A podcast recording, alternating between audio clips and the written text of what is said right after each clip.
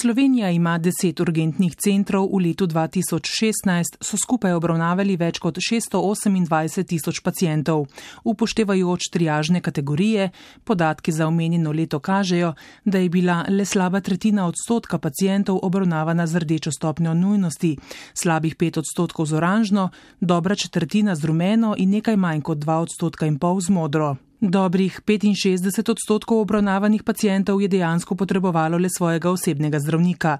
Renata Rajapakse, specialistka družinske in urgentne medicine, vodja nujne medicinske pomoči v zdravstvenem domu Ljubljana, ki dela tudi na Ministrstvu za zdravje, o možnih razlogih razmišlja tako. Skozi bolj razmišljam, da je mogoče neka taka sodobna tendenca ljudi, da morajo vse dobiti tako isti trenutek.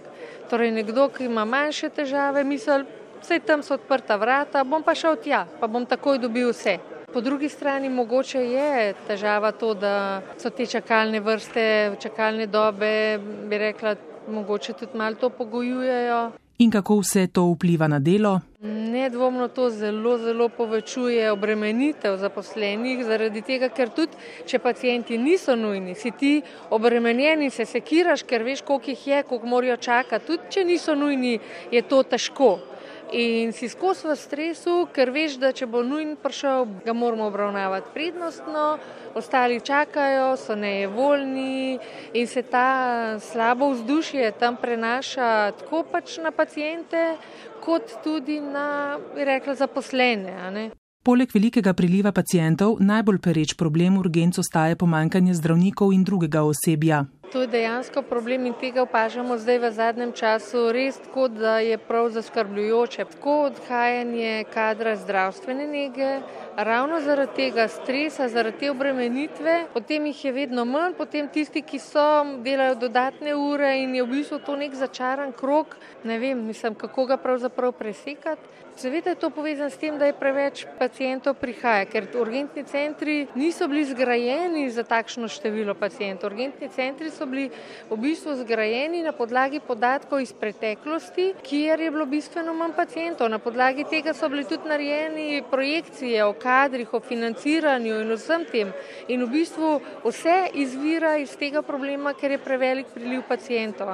Zaradi tega je potem manjka, premalo kadra, preutrujen kadar, ki odhaja, premalo denarja, ker kljub vsemu, ko enkrat pacijent pride v urgentni center, tam pač ga obravnavamo strokovno in pač zato je potreben čas, potreben osebje, potreben denar. Število zdravnikov specializiranih za urgentno medicino še dolgo ne bo zadostno, pravi Darko Čander, vodja sektorja za sistem nujne medicinske pomoči in katastrofno medicino na Ministrstvu za zdravje. Zato je tudi predvidena ta predhodna rešitev, da še vedno določen del dela opravljajo specialisti drugih strok, tako kot kirurgi, kot internisti in seveda tudi anestezologi. Vendar to je pa predvsem, bom rekel, vloga samega zavoda, da poskrbi za pogoje dela, da bo zdravniki tudi želeli pri njih delati. Ne se spraševati, kako bodo zaposleni na urgenci lahko delali 40 let. Dajte raje sistem pripraviti tako, da bodo 40 let tam želeli delati, je bila ena od pripomp na razpravi na simpoziju. Čander odgovarja. Ministrstvo zdravja lahko regulira sistem iz vidika vem, razpisovanja števila specializacij, da je recimo ustrezno zapolnjena mreža. Zdaj, zdravniki imajo možnost se prijaviti na specializacijo in v tej smeri tudi delovati. Ministrstvo zdravja pa ne more narediti, bom rekel, tistih drugih delov pogoje tam, kjer pa zdravniki dejansko svoje dejavnosti izvajajo. Urgentna medicina v tujini ima tudi za 40 let dela določene, bom rekel, ukrepe, na kak način lahko ti zdravniki delajo in bi verjetno tudi bilo za pogledati in temeljito analizirati, na kakšen način pa lahko zdravniki, ne vem, v Angliji ali kjer podobnih državah to počnejo 40 let.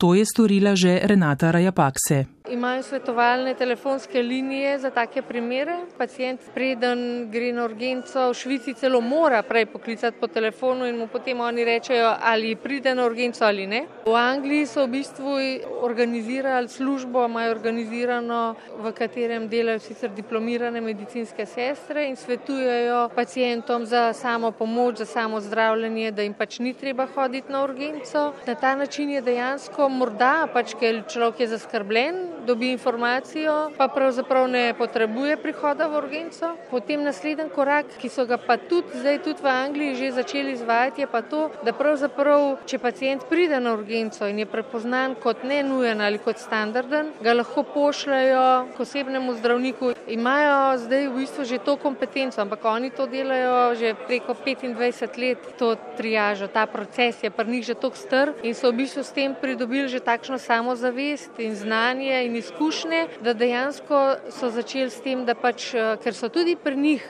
se je v bistvu število pacijentov toliko povečevalo, da so v bistvu vedeli to, da se pacijenta ga triažna medicinska sestra že naroči, mu da termin pri nekem zdravniku. Skratka, pač sistem je izdelan na ta način, da res pacijenta se sprejme, striažira, ugotovi, da ni nujen in se ga pač pošlje v tisto ustrezno službo, kjer bo skrbljena. Ne? Pri nas pa tega žal ni in vsak, ki pride v urgentni center, je tam tudi pogledan, če je nujen ali pa če ni nujen. Med cilji ostaje tudi poenotenje dela na urgentnih centrih. Država pa se še vedno ukvarja tudi z vprašanjem vloge družinskih zdravnikov v sistemu nujne medicinske pomoči.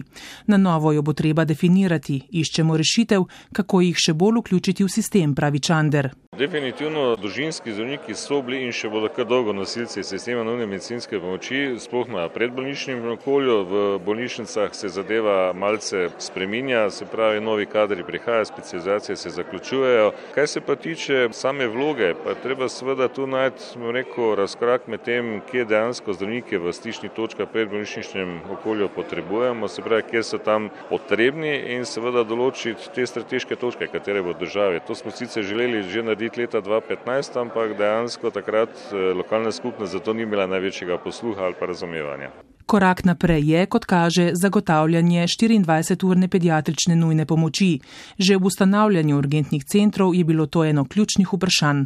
Glede oskrbe otrok in mladostnikov do 19 let stara z vidika nujnega zdravja oziroma nujne medicinske pomoči imamo na ministrstvu že, bom rekel, en izdelan temeljni dokument, ki ga pripravlja delovna skupina, kjer so bili tako zastopani pediatri kot družinska medicina, urgentni zdravniki in pa tudi seveda kirurgi, ki ravno tako otroke zdravijo in smo tudi postavili eno schemo, po kateri bi v Sloveniji bilo nekje v desetih centrih 24-urni dostop tudi samega pediatra. Ta dokument se bo do jeseni pričakujem oziroma do konca leta se bo tudi poskušal potrditi na zdravstvenem svetu in pa seveda je treba to zadevo tudi finančno vrednoti in za tisti del naj tudi dodatne sredstva. V sistemu nujne medicinske pomoči je formalno vlogo dobila dispečerska služba zdravstva.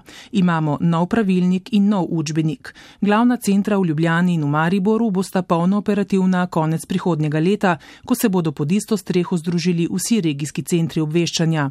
V Ljubljani so sicer operativni od aprila, v Mariboru pa bodo predvidoma septembra. Andrej Fink, vodja dispečerske službe zdravja UKC Ljubljana. Zdaj, takoj poklicu na 112 se vam javijo regijski centri za obveščanje, ki delujejo znotraj Ministrstva za obrambo oziroma uprave Republike Slovenije za zaščito reševanje. Na tem segmentu se nič ne spreminja, ostaja uh, tako kot naprej in v primeru, ko njihov operater presodi oziroma gotovi, da klicatelj potrebuje zdravstveno službo, prevežejo klic v dispečersko službo zdravstva. Regionalni dispečerski centri se bodo v skupno službo vključevali postopoma. Zankrat na obali deluje dispečerski center, to je pred leti bil ustanovljen kot eden korektivnih ukrepov. Mi računamo, da bo ta del prešel v pravno dispečersko službo med eh, zadnjimi, ravno zaradi tega, ker ta stvar deluje in tukaj ne vidimo nekih večjih težav in bo potrebno prehod zaradi tega, da bomo zagotovili enotno obravnavo, to je kar glavni cilj da vsakdo, ki kliče na našo pomoč, se pravi dostop do dispečerskega zdravstva, mora dobiti enako obravnavo, enak način obravnave in tudi en, enak odziv. Z tega vidika se bomo morali na neki točki združiti. Pomemben gradnik pri doseganju dostopnih časov in s tem izboljšanja preživetja, sploh po srčnem zastoju, so prvi posredovalci. Ti so za zdaj pripadniki sil zaščite in reševanja in delujejo v okviru prostovoljnih gasilskih društev. Gre za popolnoma prostovoljno dejavnost in potrebno je še urediti statuse ter razmerja med službami nujne medicinske pomoči. Tudi s tem namenom je bila ustanovljena delovna skupina Uprave za zaščito in reševanje ter Ministrstva za zdravje, ki ima nalogo definirati vlogo in delovanje prvih posredovalcev.